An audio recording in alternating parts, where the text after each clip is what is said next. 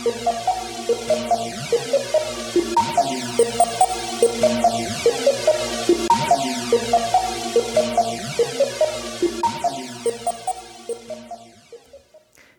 bij aflevering 16 van Moordzaken, de podcast. Ja, Carrie, dit is niet zomaar een aflevering, want we zitten op een hele bijzondere plek. Ja, we zijn verhuisd naar Arnhem. Precies, de Arnhemse Villa-moord is het onderwerp, maar wij zitten in het eh, Rembrandt Theater in het centrum van Arnhem. En ik weet niet of je het weet, maar dat is eigenlijk een oude bioscoop. En wij zitten eigenlijk in de grote zaal nu. Ja, dat is best wel raar. We zitten hier op een podium in een totaal lege zaal met lege stoelen. Maar En dat is niet alleen omdat het corona is, maar dit theater is al enige jaren gesloten. En eh, volgens mij is het zo dat eh, de eigenaar ervan die zoekt nog een nieuwe aanwending ervoor. En wij werden uitgenodigd om hier onze podcast op te nemen. Ja, dat is een, leuke. Het is ook wel een heel karakteristiek gebouw, moet ik zeggen. Het is gebouwd in 1954. Het is eh, op een gegeven moment ook gerenoveerd. Het is een, eh, niet lang geleden nog een Pathé Arnhem geweest. Maar dat is op een gegeven moment een heel nieuw gebouw hier in Arnhem gekomen. Wat een mega bioscoop was. Dus toen werd deze bioscoop gesloten. En toen uiteindelijk is het nog een keer heropend als een soort eh, ja, filmhuis. Maar dat was maar een klein jaartje. Dus we zitten hier nu. Ja, Arnhem. Tweede keer dat we in Arnhem, eh, of tenminste in ieder geval, een, een moordzaak in Arnhem eh, bespreken. We hebben de Spiritusmoord al eh, eerder gehad. Je zou het een moordstad kunnen noemen. Ja, bijna wel. De Arnhemse Villa-moord. Eh, we zullen even een kleine teaser. Ik denk velen van jullie kennen hem wel of hebben ooit van gehoord of hebben misschien ooit de documentaire gezien.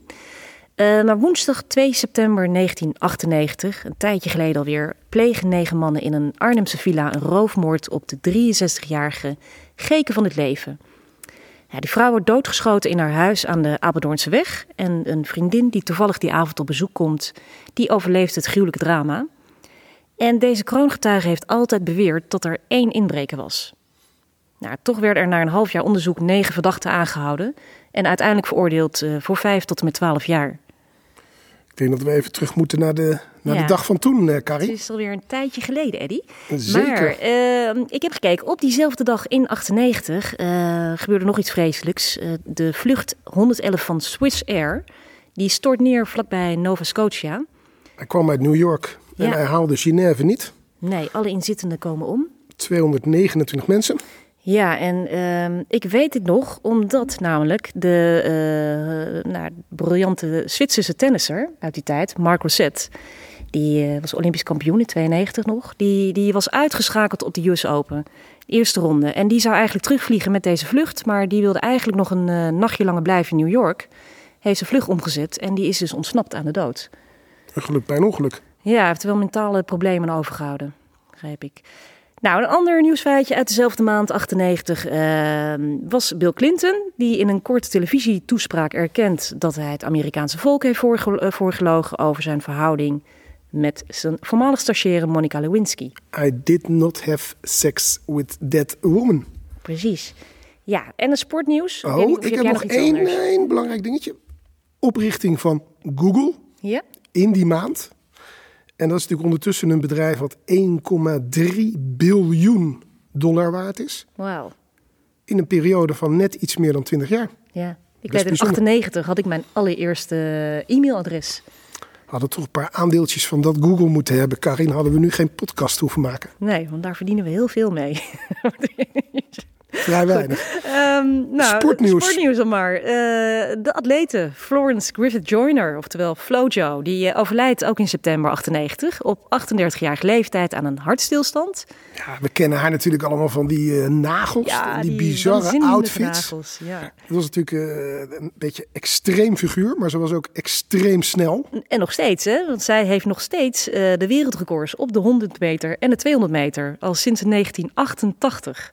Ja, maar Carrie, laten we ook eerlijk zijn. De geruchten over haar dood zijn natuurlijk ook ja. gerelateerd aan wellicht dopinggebruik. Ja.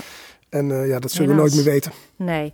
Nou, de populairste jongensnaam in 98 was Thomas en Laura de meest gekozen meisjesnaam. En het weer? Het weer. De temperatuur 2 september 98 lag rond de 17 graden. En het was vrijwel geheel bewolkt met uh, motregen. Belangrijk Niet, voor de zaak. Zeker. Niet zo'n mooie dag dus. Nee, de zon ging onder om vijf voor half negen. Ook, En, een, eh, eh, ook relevant? ook relevant. En, en de nummer 1 in de top 40, Ja, hartstikke leuk nummer eigenlijk. wekenlang, Live van Desiree. Life, life, life.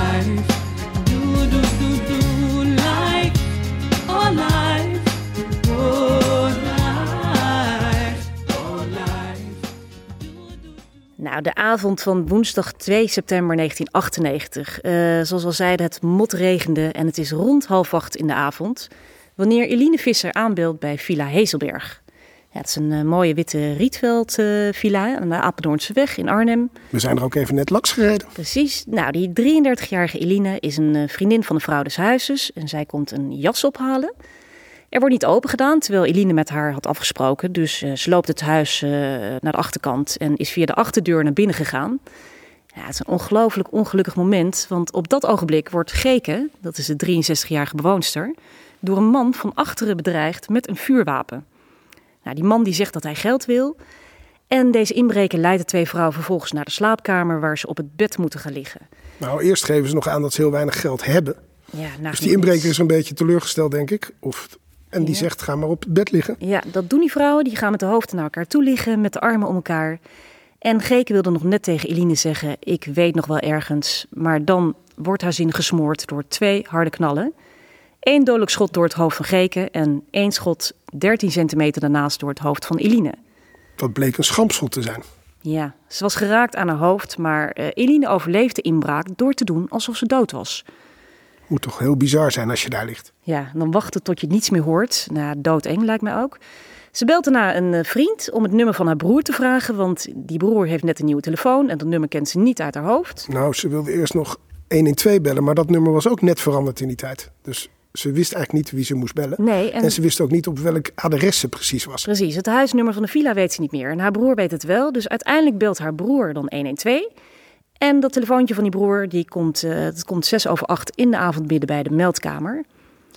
De inbreker die was er vandoor nou, met eh, een paar bankpasjes, eh, een portemonnee, een slavenarmband, Ja, die was nog net even uitgetrokken toen Geke op bed lag. Ja, een slechte buiten, kun je zeggen.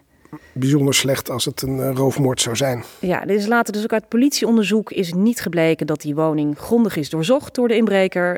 In die kast van de slaapkamer bevond zich bijvoorbeeld contant geld. Is niet meegenomen en eh, in de woning was ook nog een kluis aanwezig. Die is ook niet aangeraakt, dus er zijn verder ook geen braaksporen in of aan de woning. En er wordt ook geen moordwapen gevonden.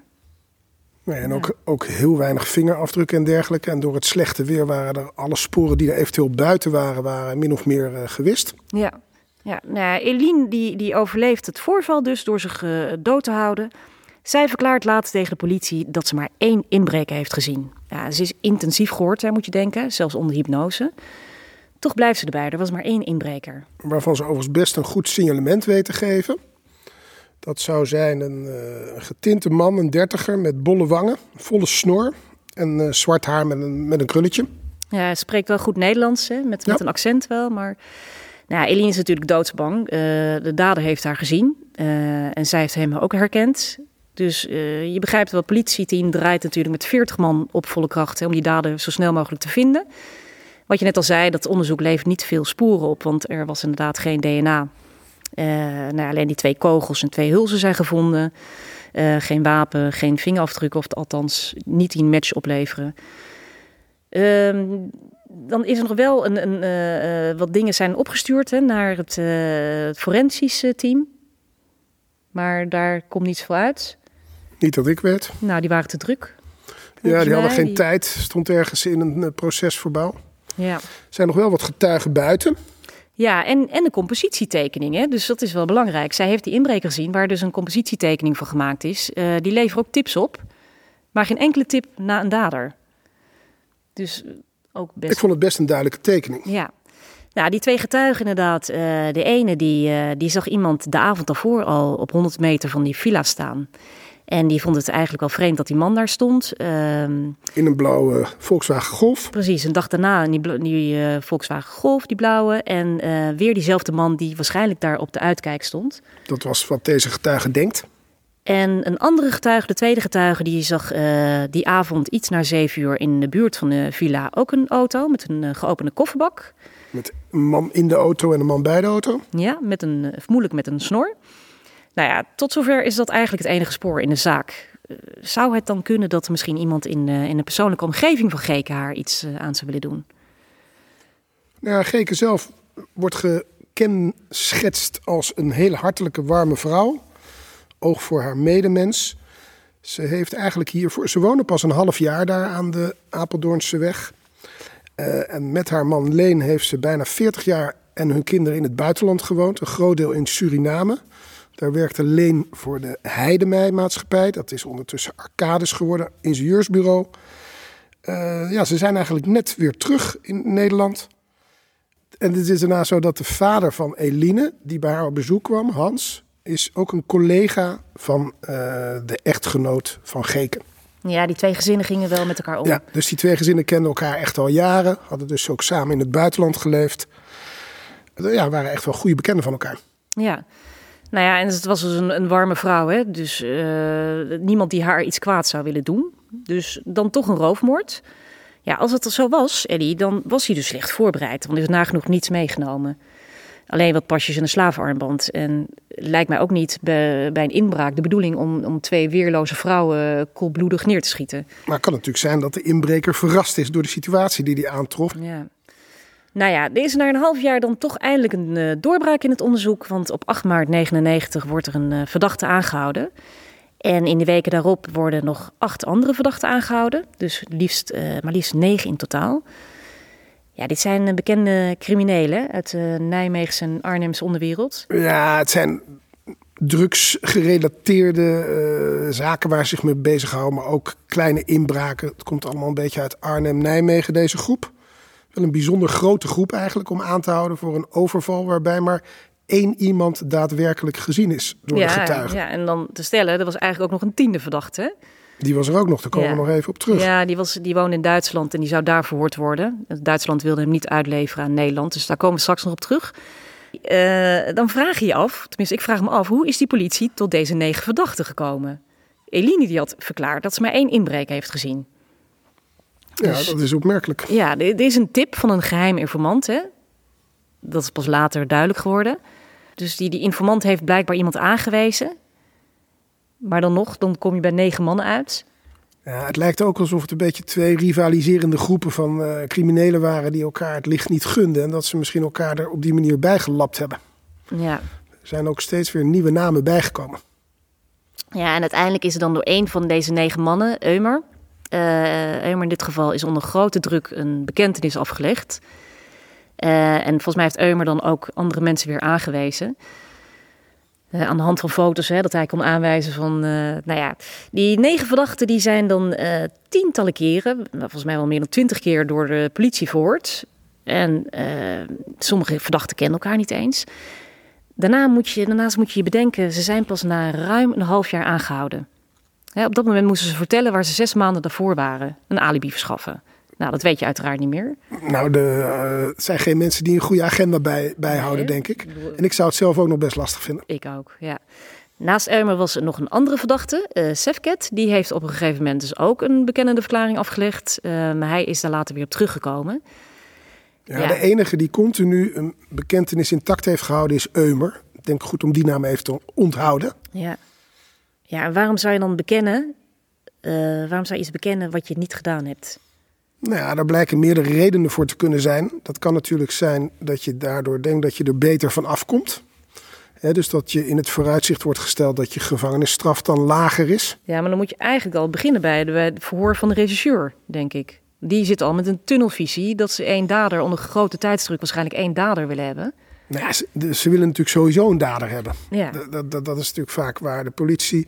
Kijk, de politie gaat niet voor waarheidsvinding, maar de politie gaat ervoor om iemand te laten bekennen. Ja, en dan is het natuurlijk het makkelijkst om eerst die zwakke schakel te ontdekken. Dat was eh, blijkbaar deze Eumer. Ja, die was net door zijn vrouw verlaten, spreekt slecht eh, Nederlands. En hij was ook de enige trouwens die niet eerder in aanraking was geweest eh, met justitie.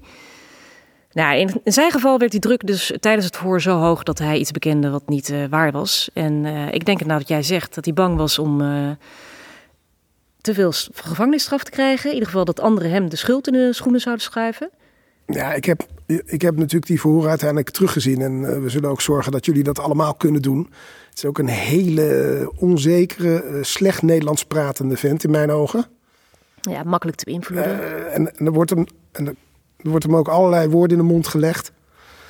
Eh, er wordt ook flink op hem ingepraat. Ja, het is die, die verhoortechniek inderdaad die ze gebruiken, dat noemen ze ook wel de, de Alice in Wonderland eh, methode.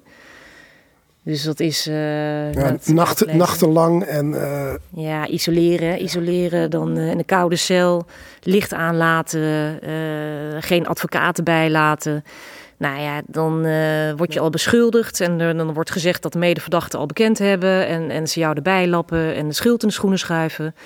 En als je dan nog steeds ontkent, dan wordt eigenlijk wordt je duidelijk gemaakt dat je schuld al vaststaat. Dus ontkennen heeft weinig zin nog.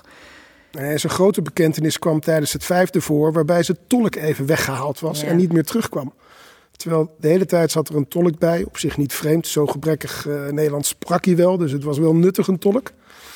En die werd gewoon weggeroepen en die kwam niet meer terug. En dat was eigenlijk het verhoor waar hij eh, knakte. Ja, nou ja, dat krijg je dus uiteindelijk, een valse bekentenis. Hè, omdat verdachten dan dus willen ontsnappen aan, eh, aan die barre situatie. Is gebeurd ook bij de Puttense moordzaken. Nou, de Puttense moordzaak, nu je erover hebt, Carrie. Ja, Jan Detail, Eddie? De eh, onderzoeksleider in deze zaak was Ad Tapje Baars. En dat tapje heeft te maken met het feit dat hij altijd direct heel veel telefoontaps zet. Maar dat was dezelfde man als de onderzoeksleider in de Puttense moordzaak. Nou, daar zal iedereen wel van weten hoe dat is afgelopen. Volgens mij is dat echt een van de grootste dwalingen in de Nederlandse rechtsgeschiedenis. Ja, met dezelfde voortechnieken dus. Met dezelfde Ja. technieken. Ja. Eh, het kan toeval zijn, Carrie, maar het is op zijn minst een saillant detail. Ja, nou, dat is hier die Alice in Wonderland methode dus. Ehm, ja, dit is iets wat we bij die negen mannen in Arnhem dus ook zien. Maar inmiddels is het in Nederland niet meer toegestaan. Hè, sinds de, de invoering van de zogenaamde Zaldoes-wetgeving in 2008. Eh, al bij de eerste ondervraging krijgt de verdachte tegenwoordig een advocaat toegewezen. 98 was hij dus nog niet eh, gebruikelijk. Nou, terug naar dat verhoor. Het vreemde is natuurlijk, Eumer heeft bekend. Nou, dan zou je denken dat hij ook alle feiten van die inbraak kent. Hè, dat hij eh, met een consistent verhaal komt. Maar eh, die rechercheurs die moeten blijkbaar alle zeilen bijzetten om een kloppende verhaal, eh, verklaring te krijgen. En dat, dat doen ze dus aan de hand van die Alice in Wonderland methode. Dat zeer discutabel is. Maar volgens mij is dat niet het allerergste. Hè? Dat is niet die verhoordruk. Nee, wat ze met name doen is een heleboel daderinformatie in de mond leggen. En als je dat terugkijkt, is dat eigenlijk best wel gênant. Want de rechercheurs weten dus dat er een blauwe Volkswagen Golf gezien is. En die proberen te zorgen dat hij dat ook gaat zien. Maar hij begint eh, eerst met een hele andere auto, met een Peugeot, met een andere kleur. En uiteindelijk blijven ze er maar op hameren dat die, het echt een blauwe auto is en een Golf. En zo hebben ze nog Ja, een aantal zeggen andere dingen. Blauw, blauw is goed, ik zal je helpen. Ja. En hetzelfde geldt voor het dak van het huis. Dit was een eh, mooie eh Rietveld villa. Misschien kan ik direct wat meer over de villa vertellen. Eh, ehm, die in de 50 jaren gebouwd is. Eh, en het is ja, eh, plat dak. Het is echt een beetje een soort van mooie architectuur is het. Het heet de Hezelberg. Dat is een naam die komt van een mooie hazelnootboom op het terrein. Maar het is in ieder geval niet een puntdak. En ze vroegen dus tijdens de verho- verhoren ook van hoe zag de villa eruit. Ja, hij kwam niet direct op het platte dak. Hij begon met een puntdak. En uiteindelijk hebben ze hem toch platdak laten zeggen. Ja, dat is best knap. Ja, dus zo, zo zitten er heel Ja. veel eh, rare dingen in. Ook met, met, met Sefket, dus de andere man die een bekende verklaring afgelegd. eh, eh, die, die wordt een vraag, aan hem wordt een vraag gesteld, hij weet het antwoord niet. Dan komt er nog een vraag en vervolgens verluisteren ze het antwoord in zijn, eh, in zijn oor. En eh, dat gebeurt een paar keer, dus hij herhaalt elke keer de, de antwoorden die hem ingefluisterd worden. En hij is zelfs zo ver gegaan dat hij heeft bevestigd dat de bestelbus, die zou zijn gebruikt, oranje was met paarse stippen. Ja, dat hadden ze als grap hadden ze dat erin gevoegd. En uiteindelijk heeft hij dat dus ook nog bekend. Nou, dat geeft toch al aan Nou, waar die rechercheurs mee bezig waren. Nou, ze hebben in ieder geval eh, het zover laten komen tot de rechtszaak in 2000. Waar alle mannen veroordeeld zijn, alle negen mannen. Eh, Ja, dat was al het hoge beroep. Ja, dat komt later, ook in 2000, hoger beroep.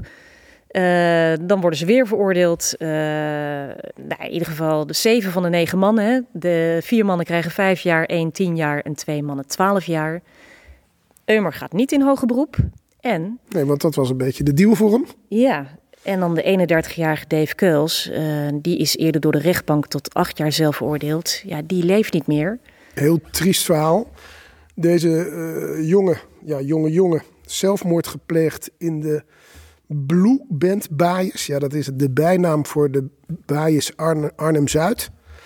Eh, hij had een brief achtergelaten en de strekking daarvan was gewoon dat hij er niet mee om kon gaan dat hij vast zat terwijl hij onschuldig was. Hij kon daar gewoon niet mee leven. Ja, ze heeft gewoon twee jaar vastgezeten. Ja, ja. Vreselijk triest heeft het hoge beroep dus niet eens gehaald. Nee. Nee, en het hoge beroep, ehm, misschien moeten we er even op terugkijken inderdaad. Want de verdediging die, die voert bij het Hof aan dat die verdachten dus onder grote druk zijn verhoord. Is zelf op een gegeven moment heeft zelfs een rechercheur aan die verdachte gevraagd of hij bij elke leugen een vinger mocht afhakken. Nou, Dat is pas iemand eventjes onder druk zetten, Ja. zou ik zeggen. nou, ook dat eh, de verdachte 20 jaar krijgt eh, opgelegd en, en dat het mogelijk is om het gezichtsprofiel van de verdachte te laten passen in eh, de gemaakte compositietekening.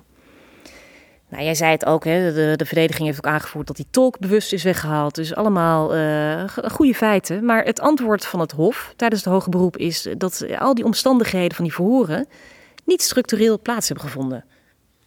Nou, Nou, als je, als je, er zijn dus 160 uur aan eh, eh, videobanden van. Die hebben wij niet allemaal bekeken, Carrie. Nee. Maar die zijn dus wel door bepaalde mensen uiteindelijk allemaal bekeken. ja, maar ik denk niet destijds door het Hof. Ik, ik weet zeker dat het Hof dat niet bekeken heeft. Eh, ja, dan was je misschien toch wel tot een andere conclusie gekomen. Ja, ja. Ja, want ik denk als je die procesverbalen ook naast de videoopname destijds al had eh, gelegd, dan was het heel anders gegaan. Maar goed, dan, ik vraag dan nog, hè, wat is het andere bewijsmateriaal geweest op dat moment, behalve die twee getuigen? Nou, en de is bekentenis dan van helemaal geen technisch bewijs. Eh, we hebben misschien nog niet gezegd dat eh, de kogelhulzen die gevonden zijn, die kwamen uit een Browning-pistool. Dat was een oud pistool, waarschijnlijk uit 1922. Dat is overigens niet een pistool wat de gemiddelde eh, crimineel in bezit heeft. Dat komt meer uit een soort familieverzameling. Ja, het is een oud, oude pistool uit de Tweede Wereldoorlog. Ja, de- ik ik begreep Ja. ook dat ooit de politie het nog als dienstwapen gebruikte Ja. in een lang verleden. Maar die hulzen die zijn ook uiteindelijk in een bakje met allerlei hulzen verdwenen. Dus ze hebben daar eigenlijk ook niet eens goed van die hulzen eh, DNA kunnen eh, krijgen. Ja, het was in die tijd was het ook nog niet echt, eh, dat DNA-protocol was natuurlijk in die tijd nog niet zoals het nu is. Nee, maar het is natuurlijk achteraf wel zonde. Want met Ja. de huidige techniek hadden ze er misschien wel wat mee gekund. Maar het is gewoon niet zorgvuldig bewaard gebleven. Nou ja, de, de meeste mensen waren eh, in ieder geval verbaasd over de uitspraak, hè, over die veroordelingen. Want eh, inderdaad, geen sporen, geen moordwapen. En die verklaring van Eline, die, eh, die het had over één dader die goed Nederlands sprak. Dus uiterst merkwaardig dat deze negen mensen worden veroordeeld. Op basis van één bekentenis van één van de negen. Als je het eventjes heel kort samenvat, Carrie. Precies. En dan was er ook nog die tiende man, waar we het net over hadden. Ja, De Duitser. Die Duitse, die was in Nederland dus ook als verdachte eh, aangemerkt, maar die verbleef toen destijds in Duitsland. En deze tiende man zou de schutter zijn. Dus een behoorlijk belangrijke man in het geheel. Die man is in 1999 eh, in zijn woning in Duitsland aangehouden en ook in Duitsland vervolgd. Ze wilden hem namelijk niet naar Nederland uitleveren. Hij is vervolgens vrijgesproken, want hij had namelijk een, eh, een zeer kloppend alibi. Ja. Nee, ze En- hebben hem in Duitsland ook echt wel het vuur aan de schenen gelegd. Dus hij is niet echt ontsnapt, maar hij is gewoon in Duitsland berecht. Maar uiteindelijk zeiden Ja, die Duitse... Eline heeft hem eh, gezien, hè? Ja. Het is een Oslo-confrontatie geweest. Hè? Je weet uit de film Ja. dat de man op een lijntje staan en jij achter glas iemand mag aanwijzen. En zij heeft hem dus niet herkend als schutter. Dus hij is inderdaad, wat je zegt, hij is gewoon totaal onschuldig. Maar die onschuld zou natuurlijk ook wel de onschuld van die andere mannen kunnen ondersteunen. Ja, inderdaad. Je zou toch als politie in Nederland moeten denken eh, dat die mannen eh, onschuldig zijn. Ja, nou, ze gaan ook direct eh, een herzieningsverzoek. Of, Nou, nog even, want dit vind ik namelijk helemaal bizar. De uitslag van dit onderzoek in Duitsland houden ze geheim. ja, dat is niet in de Nederlandse dossiers terechtgekomen. Dat rapport gaat in een geheim laadje. Dus dat is niet aan het Hof verteld. Want dat was natuurlijk uiteindelijk wel een, zeg maar... ging een andere kant op dan ze graag wilden. Ja, ze hebben gewoon eigenlijk gezegd, de politie heeft gewoon gezegd dat Duitsland die verdachte niet wilde uitleveren. Nou ja, ze laten het er ook niet bij zitten. Er komen eh, een paar herzieningsverzoeken al heel snel in 2002. Maar die worden eigenlijk ook vrij makkelijk door de Hoge Raad eh, van tafel geveegd. Ja, daar zit je dan. Ja, dan is wel de, de, de andere verdachte, Nefsat, dat was eh, ook een van de hoofdverdachten. Die werd ook wel gezien als het brein achter de roofmoord. Die was eh, veroordeeld tot 12 jaar. Nou, die heeft vanaf het begin eh, brieven geschreven. Dus eh, die is echt aan de bak gegaan om zijn onschuld aan te tonen. Dus hij heeft koningin Beatrix aangeschreven, Europees Hof voor de Rechten van de Mens. Noem maar op, allemaal tevergeefs. En hij biedt dan die zaak ook aan aan het project Gereden Twijfel. Ja, dat is een groep mensen gelieerd aan de Universiteit van Maastricht. Onder leiding van eh, rechtspsycholoog Han Israëls. En eh, ja, die zijn aan de slag gegaan. En zij kregen beschikking over al die eh, videobanden met die getuigenverhoren. Dat Ja. is denk ik de, de belangrijke informatie waar ze mee uit de voeten komen. Ja, ze komen dan tot de conclusie dat, dat politie, justitie en rechters eh, nou, de, de verkeerde man hebben veroordeeld. En volgens hun moet dan, zeggen zij destijds dus al, dat het politieonderzoek volledig opnieuw moet worden gedaan. En wat ook bizar is, zij zeggen dan ook al, het, eh, het is niet terug te vinden in het dossier hoe die politie bij die negen verdachten is uitgekomen. En ze hebben nog een aantal dingen. Ze vinden het heel vreemd dat er eh contant geld daar voor het oprapen lag, dat niet is meegenomen. En dat vind ik dan ook. Je moet het heel opmerkelijk vinden. Die overval is op klaarlichte dag eh, gepleegd. Ja, dat is natuurlijk niet de beste tijd van de dag als je serieus iemand wil overvallen, toch? Nou, ik denk niet om acht uur 's avonds eh, als het Nee. licht is. eh, dan ga je niet met negen man Nee, een villa in. Nee, dus die, die hele setting is natuurlijk heel vreemd. Nou, zij, zij onderzoeken dat. En daar is ook nog een andere rechtspsycholoog, Peter van Koppen, bij betrokken. Die hebben we natuurlijk eerder al gezien, Carrie. Ja, En eh, uiteindelijk gaan ze hun hele onderzoek ook in een boek verwoorden. De eh, valse bekentenissen, heet dat, de Arnhemse Villamoord. En dat boek eh, wordt op een gegeven moment eh, uitgebracht. ja, dat is na twee weken alweer uit de handen genomen. En het wordt direct uit de handen genomen, want in het laatste hoofdstuk van het boek wijzen ze eigenlijk een beetje naar Eline zelf, de overlevende getuige. Het meisje van 33 wat op bezoek kwam bij Geke. En ze wijzen naar haar als dat zij misschien niet eh, naar waarheid heeft verklaard. En daarmee insinueren ze eigenlijk dat zij er wellicht bij betrokken is. Nou, en eh, Eline die laat dat niet over haar kam scheren. En die gaat daar tegen in beroep, althans die laat een zaak aanspannen. En dat gaat dus zover dat dat boek binnen no time uit de handel wordt gehaald. Wij hebben het ook niet meer kunnen vinden, althans Carrie. Nee. Carrie, meestal Carrie eh, heel goed in de boeken vinden. Ja. Ehm, en eh, het is zelfs zo dat die Han Israëls nog veroordeeld wordt voor eh, een schadevergoeding. Vanwege smaad en laster, denk ik, van 17.500 euro. En het is wel zo dat hij van Koppen uiteindelijk toegeeft dat dat laatste hoofdstuk niet echt. Ja, dat is niet heel fijn en dat is ook niet goed onderbouwd. Dat had hij er liever niet in gehad. Ze hebben het ook niet eerst voorgelegd hè, aan de familie of aan, aan Peter van Koppen zelf. Nee, dus Dus, eh, dat, nee. Dat, dat is duidelijk misgegaan. Ja, dus nou ja, eh, dankzij in ieder geval de, de, de inzet van Nefsat en ook zijn advocaat, hè, Paul Akda, en die projectgroep De Gereden Twijfel, is er in ieder geval weer aandacht voor de zaak. Want eh, gek genoeg, dat was er dat jaar, of de jaren daarvoor was dat er niet. Hè? Dat is pas veel later gekomen. Ja, en dat zorgt ervoor dat in 2015 Gertjan Knoops, ook een bekende, een brief opstelt en aangeeft dat er wellicht gronden zijn voor herziening. En dat hij daarvoor eigenlijk aanvullend onderzoek zou willen. Nou, en op basis daarvan gaat er eigenlijk een, eh, een balletje rollen.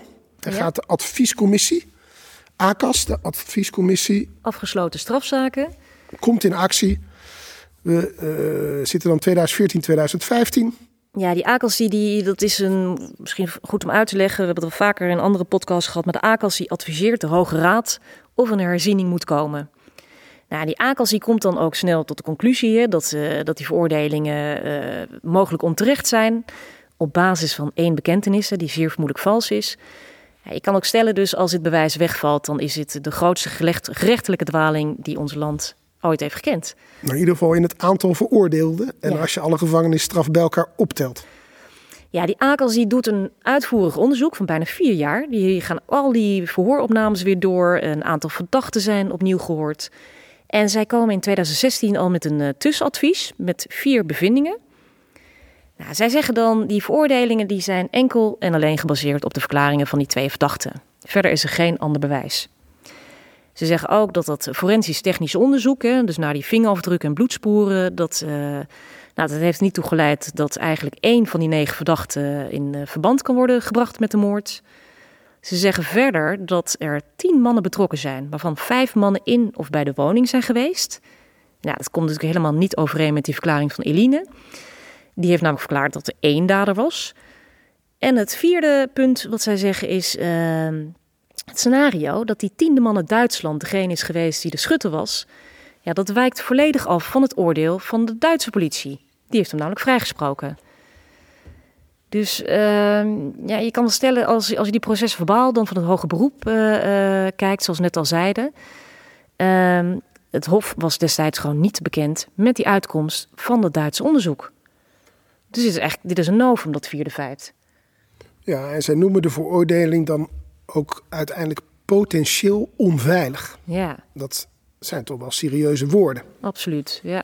Het is hun ook opgevallen, die AKELS-commissie, um, dat in het politiedossier vijf getuigen worden vermeld. Dit heb ik namelijk ook nooit eerder ergens gehoord. Er waren vijf getuigen en die getuigen die hebben in de loop van het onderzoek verklaard een persoon te herkennen in die gemaakte compositietekening. En dat is dan een persoon die niet behoort tot die groep van negen of tien mannen. Je zou je toch verwachten dat ze dat verder uit gaan zoeken? Ja, en uh, nou ja, daar is dus eigenlijk uh, is daar nooit meer iets mee gedaan. Althans, de AKELS-commissie heeft dus niet kunnen opmaken of dat er een nader onderzoek is geweest. Of juist waarom niet. Ik heb het verder ook niet kunnen vinden, overigens. Ik denk dat ze gewoon al heel blij waren met die groep van negen. En ze dachten, daar gaan we natuurlijk tunnelvisie misschien. Ja, misschien wel. Daar gaan we voor. Ja, nou, ook uh, zijn de sporen nog even nagegaan ook. Hè, wat jij al vertelde over die hulzen. Uh, die, die, die bewaarde hulzen die inderdaad waar het DNA al niet meer traceerbaar is. Uh, ze hebben ook de videobanden vergeleken met, met de processen verbaal. En ook dan komen ze tot een andere conclusie hè, dan het gerechtshof destijds. Want zij zeggen ook, nou, bij die verhoren van die verdachten zijn echt heel veel zaken misgegaan. Dat hebben we al eerder gehad. Hè? Dus die, die, die verdachte, daar werd dadenkennis doorgespeeld. De tolk werd opzettelijk weggestuurd. De verhoren duurden veel te lang, waren veel te intensief. En er was een lagere straf in het vooruitzicht gesteld als ze zouden bekennen. Ja, allemaal elementen die er natuurlijk voor kunnen zorgen dat iets uh, niet goed gaat. Kortom, dat iemand vals gaat bekennen. Ja, ja. Hun advies is dan ook om van de, van de ACAS is natuurlijk om toch te kijken naar eventueel een herziening. Ja, dat is per saldo wat ze zeggen dat er voldoende uh, dingen nog nader bekeken zouden moeten worden. Ja. Ja, want ze hebben ook een aantal vragen nog en die kunnen wij onszelf ook stellen. Uh, kunnen jullie ook allemaal meedenken. Want uh, nou, wat we net al zeiden, is een betrokkenheid van een derde persoon die in die compositietekening werd herkend. Wat heeft dat opgeleverd, die resultaten? En hoe kan worden verklaard dat Eumer en Sefket dus geen goede beschrijving geven van die, uh, van die witte villa? En waarom en hoe zijn die verdachten in beeld gekomen? Want dat verhaal van die informant, dat blijft natuurlijk een vaag verhaal. Ik denk dat het ook eigenlijk een beetje de hamvraag van deze zaak is. Hè? Hoe is men destijds aan die verdachte gekomen? Is niet in het dossier te vinden. Maar in ieder geval, dit hele document van de ACAS wordt door de advocaat Paul Akda aangegrepen om te beginnen met het schrijven van een herzieningsverzoek. Ja. Nu is het ook zo dat iemand anders dat opmerkt. En dat zijn televisiemakers van Caro en Survey. En die gaan een documentaire over deze zaak maken. En die laten daar vooral natuurlijk Han Israëls, degene achter het gereden twijfelproject, aan het woord. En die maken een driedelige serie. En ik moet zeggen, ik kan toch wel aanraden om hem te kijken als deze zaak je fascineert. En daar wordt een beetje op Netflix achtige wijze wordt deze uh, moordzaak uh, getoond. Met een uh, reconstructie, met natuurlijk delen uit de verhoren. ja, het wordt best wel spectaculair in beeld gebracht, moet ik zeggen. Daar komen ook weer wat bekende mensen in voor. Richard en Selma Eikelenboom. Dat zijn, ja, Carrie, we komen ze vaak ja, tegen. Ja, die kennen we, ze wonen ondertussen Aflevering in, 1. Ja, ze wonen in Colorado, Denver en zij zijn vaak een soort van second opinion naast het NFI. Dat is ook hun achtergrond, forensisch onderzoek.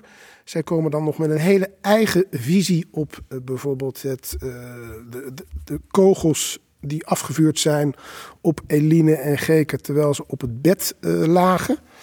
Nou, ik, ik moet zeggen, je krijgt er wel het gevoel bij dat ze eigenlijk aansturen, en dat zeggen ze uiteindelijk ook, op het feit dat de verdachte, eh, de negen man, het niet gedaan zouden hebben. Maar ze wijzen toch ook wel weer een beetje naar Eline, moet ik zeggen. Ja. Eh, en, en, en dat is natuurlijk wel gevaarlijk. ja. En het zal dan ook niet verbazen dat Eline eh, naar de Raad van Journalistiek gaat en zegt: Ja, eh, dit voelt voor mij niet goed. Hè, ze, het is niet waarheidsgetrouw. En eh, ja, ze hebben haar eigenlijk ook niet helemaal goed de kans gegeven om wederhoor. Dat hebben ze wel, maar daar had ze dan niet op tijd op gereageerd. Uiteindelijk zegt de Raad van Journalistiek daarvan: ja, dat hadden de, de televisiemakers beter moeten doen. Maar voor de rest worden die televisiemakers eigenlijk niet, eh, nou ja, die worden min of meer in het gelijk gesteld dat ze het wel ja, voldoende zorgvuldig hebben gedaan. Dus de, het is niet echt een berisping die ze krijgen, maar meer een opmerking van jullie hadden het beter kunnen aanpakken. Eh, ook haar privacy, daar zegt ze ook van, eh, die is nu bekend. Ze werd geblurred overigens in deze documentaire. Maar ik heb ook uitzending van één Vandaag gezien. Heb je ook gezien, Carrie? Ja. Uit 2014. Waarin ze haar eigen verhaal doet. En daar is ze helemaal goed zichtbaar. Dus ja, ze heeft zichzelf toch al een beetje bekendgemaakt. Ja, en eh, wat ook in die documentaire te zien is, want dat hebben we nog niet verteld. eh, net nadat AKAS rapport verschijnt in 2018, gebeurt er namelijk in september, dan komt het rapport, gebeurt er nog iets uiterst merkwaardigs. Want Eumer, de man die de belastende verklaring heeft afgelegd en die al jaren spoorloos is, hè, zelfs zijn advocaat Paul Acta die heeft eh, moeite gedaan om hem op te sporen. Deze Eumer die neemt in september 2018 voor het eerst na al die jaren contact op met, eh, met zijn advocaat, met Paul Akda. Hij is verhuisd hè, na zijn vrijlating naar Duitsland. En Ja, hij gevlucht vertelt- bijna. Ja, hij is echt ondergedoken. En hij vertelt nu dus na twintig jaar dat hij inderdaad een valse verklaring heeft afgelegd. Ja, en die komt dus ook ruim aan het woord in die documentaire. Je kunt je natuurlijk afvragen waarom die dat pas na zoveel jaren doet. Ja, Nou ja, waarom? Nou ja, dat, dat, eh, op een of andere manier had hij zich daarvoor nooit veilig gevoeld. En eh, ondertussen denk ik dat het eh, een stuk gewetensvroeging was. Ja, ik denk natuurlijk ook dat dat AKAS-rapport is verschenen. En daarop is natuurlijk heel veel media-aandacht gekomen. Ook de, Paul Akda, die natuurlijk in televisieprogramma's kwam. Ja, Dus ik denk dat, eh, dat hij zelf ook het idee heeft gehad van men gelooft mij nu. En eh, nou ja, was de tijd rijp blijkbaar. Ja, die eh, advocaat van hem, dus Paul Akta, die ziet dat intrekken van de bekentenis van Eumer als een novum. Nou, dat lijkt mij ook. ja want een novum is, in, is ondertussen wat ruimer gedefinieerd. Het is niet alleen maar een nieuw feit, maar het is ook een nieuw inzicht, kan het zijn. En dat heb je dus nodig voor een herzieningsaanvraag. Ja, Nou, Paul Akta doet dus eind 2019 een eh, verzoek tot herziening bij de Hoge Raad. En eh, nou, die voelt zich ook waarschijnlijk wel gesteund hè, door het rapport van de ACAS. eh, dat al uitkwam voordat Eumer zijn bekentenis introk. Ehm, en ik denk ook door dat gereden twijfelonderzoek, dat gebruikt Ja. hij ook wel, of dat speelt zeker mee in zijn gedachten. Nou, en dat er nu duidelijk is dat die tiende man vrijgesproken is, dat dat toen niet bekend was bij het Hof. Dat is eigenlijk ook een soort novum. Dus eh, die zaak die ligt nu eh, bij de advocaat-generaal van de Hoge Raad. En eh, nou, die advocaat-generaal die moet dan de Hoge Raad adviseren of de zaak daadwerkelijk wordt heropend. Nou, en heel recent, 2 februari jongsleden, is deze advocaat-generaal meneer Hartenveld gekomen met zijn advies. En Carrie, Ja, een enorme teleurstellingen. zeker voor de veroordeelden, hij, Ja. zijn advies is negatief. Dat betekent dat hij adviseert om geen herziening van de zaak toe te staan. Nee, hij zegt dat er geen nieuwe feiten zijn ingebracht. Nou ja, het is ja. Het, het, het geen nieuwe feiten, maar ook geen nieuwe inzichten. Want hij zegt dat het Hof destijds voldoende heeft getoetst of die verhoren wel op de juiste manier hebben plaatsgevonden. Dus die zegt, ja, het Hof is daar wel mee bezig geweest. Dus dat is het ook niet. En wat ze met name eh, zeggen, of wat deze meneer met name zegt, hij zegt ja, eh, de nieuwe eh, bekentenis van deze Eumer, beter, hij ontkent en hij geeft ook aan dat hij daar niet geweest is, want er is een heel verhaal van die avond met wie die was en waar die was. Nou, dat, dat verandert nu natuurlijk. Maar hij kan dat niet onderbouwen met bewijsstukken. Dus ze zeggen eigenlijk van ja, hij kan wel zeggen dat hij er niet was. Maar dat is onvoldoende onderbouwd. En daarom zeggen ze eigenlijk dat het geen nieuw inzicht is. Ja. Dus het is, het is een heel dun lijntje, denk ik, eh ja, Carrie. Want lat, de lat voor een herziening wordt eigenlijk onmogelijk eh, hoog op deze, ja, op deze manier. Ja, en waarom doen ze dat, Carrie? Dat doen ze, denk ik, omdat ze willen voorkomen dat, tussen aanhalingstekens, alle gekken en dwazen opnieuw een poging gaan wagen om hun veroordeling ongedaan te krijgen. Maar de vraag is, het was juist de bedoeling van de nieuwe wetgeving om het fenomeen novum wat te verlichten en eenvoudiger te maken. Maar uiteraard met het idee om daar de relevante zaken voor te volgens benaderen. mij ook de reden waarom de ACAS in het leven is geroepen. Ja, en we hebben al één zo'n zaak natuurlijk ja. gehad, de Butlermoord. Nou, Ja. Daarvan weten we, misschien moeten we niet verklappen voor mensen die die nog moeten luisteren, maar daar is het niet gelukt met de herziening. Eh, Er is maar één zaak recent, de showbizmoord, waarbij de herziening eh, wel tot iets geleid heeft. Ja, het is, het is, eh, ik vind het wel ingewikkeld, Carrie, want Nou, ook vooral omdat die, die advocaat-generaal die zegt er nog wel even dat een andere rechter destijds op basis van het beschikbare bewijsmateriaal wellicht wel tot vrijspraak of een andere uitkomst gekomen zou zijn. Ja, dat maakt het nog even extra cru, lijkt mij. Ja, Ja, kijk, eh, eh, aan de andere kant, rechters zijn ook maar mensen. En mensen maken fouten. Mhm. Eh, maar je zou natuurlijk wel de mogelijkheid moeten hebben om fouten te kunnen corrigeren. en vrij snel, ja. Maar goed, in ieder geval een waanzinnige teleurstelling. Hè? Een enorm gevoel van frustratie, lijkt mij. Onrechtvaardigheid bij, bij de verdachte en de familie. Het is nog niet helemaal zeker, Carrie, want het is een advies. Eh, de definitieve uitspraak over deze herziening die volgt deze maand, Ja, nou, 20 april. bijna altijd wordt het advies door de Hoge Raad overgenomen. Maar goed. Maar laten we eens even bedenken, Carrie. Wat, we kunnen wel denken dat deze negen mensen het niet gedaan hebben. Maar wie heeft het dan wel gedaan? Nou, Want dat, is... de vraag die ik eigenlijk nooit terughoor, inderdaad. Wie is, wie is de werkelijke dader? En die loopt nog vrij rond. Ja, en welk onderzoek hadden ze nog kunnen doen? Ik moet ook zeggen, Eddie en ik liepen net door Arnhem. Wij zagen op elke straathoek zagen wij dus een 55-jarige dader eh, Ja, rondlopen. we moeten wel 20 jaar bij optellen. Dus Ja. het was destijds iemand tussen de 30 en 35 jaar volgens het signalement van Eline. Maar het is, laten we eens even bedenken, en eh, zonder al te veel te speculeren, maar dat doen we dan natuurlijk stiekem toch wel. Is Kan er een motief? Ja, is, wat, wat zou het motief kunnen zijn? Kijk, ik heb, ik heb natuurlijk ook heel even nagedacht over de verbinding tussen die twee families. En hoe toevallig is het dan dat die dochter daar komt bij Geken. Terwijl die families jarenlang in het buitenland hebben gewoond. Maar ja, dat, dat, dat maakt Nee, het natuurlijk nog niet. Onzin. Nee, ik, ik, Sorry. de- nee, dat, dat, Ga dat, ik niet mee. Nee, daar ga ik ook niet in mee. Maar dat, dat heb ik natuurlijk ook even bedacht van hè, eh, diep graven. Waar zou het aan kunnen liggen? Eh, en de- ik heb natuurlijk gedacht van de weduwnaar. Hè, want daar kijk je natuurlijk ook vaak naar in de relationele sfeer. Maar er waren helemaal geen signalen. Ze hadden vier kinderen. Volgens mij twee dochters die destijds eh, zwanger waren. Dus de kleinkinderen kwamen eraan. Het leek toch wel een heel vredig gezin. Wat ja, inderdaad net na heel veel jaren in het buitenland gewoond te hebben. Weer eindelijk eh, in Nederland eh, terugkwam. Ja, Dus ook niet. Nee, we daar hebben, zie ik we het ook nog niet. iets gelezen over een vergismoord. Hè? Dat, dat Nou ja, vergis, de vergisvilla. Ja, Die is er wel, Carrie. Dat Ja. hebben we net gezien. Er is op diezelfde weg is er ook een vrij grote witte villa. Daar woonde de lokale huisjesmelker. En dat scheen ook niet een fris figuur te zijn. Dus er waren mensen die zeiden... ja, misschien was het bedoeld om die man te overvallen. Want die stond erom bekend dat hij met stapeltjes contant geld rondliep. Maar ja, dan nog eventjes. Wat, eh, ik bedoel... eh, als je zo'n overval gaat doen, ga je het goed voorbereiden. Ja. Dan ga je niet op klaarlichte dag. nou ja, Nee, klaarlichte nou ja, dag. Rond acht uur. Het was schemerig. Het was schemerig. Dan ga je dat, dan doe je dat anders. Dus ja, misschien is het dan toch eh, een, een wat simpele overval van iemand die, die tussen aanhalingstekens niet al te snugger is. Die toch gedacht heeft, ja, het is wel een makkelijk te bereiken villa. Je ziet hem vrij duidelijk van de weg. Hij is, ja, je kunt er best wel makkelijk bij komen. Makkelijk vluchten. eh, ja. Je kunt makkelijk vluchten over een grote eh, provinciale weg. Eh, ja, die dacht misschien toch van, nou, daar, daar is wat te halen. Ik ga het gewoon even proberen. En werd verrast uiteindelijk door de setting waarbij er iemand Ja. binnenkwam. Terwijl, ja, ik, ik zeg genoeg redenen in ieder geval om deze zaak nog een keer helemaal over te doen. ja, ieder geval te zorgen dat er geen onschuldigen vastzitten. Maar dat betekent nog niet direct dat je de schuldige gevonden hebt. Nee. Nou, de hoogste rechter die oordeelt dus op 20 april 2021 En zoals altijd, op eh, ja, of de, de Arnhemse villamoord dus eh, moeten worden herzien.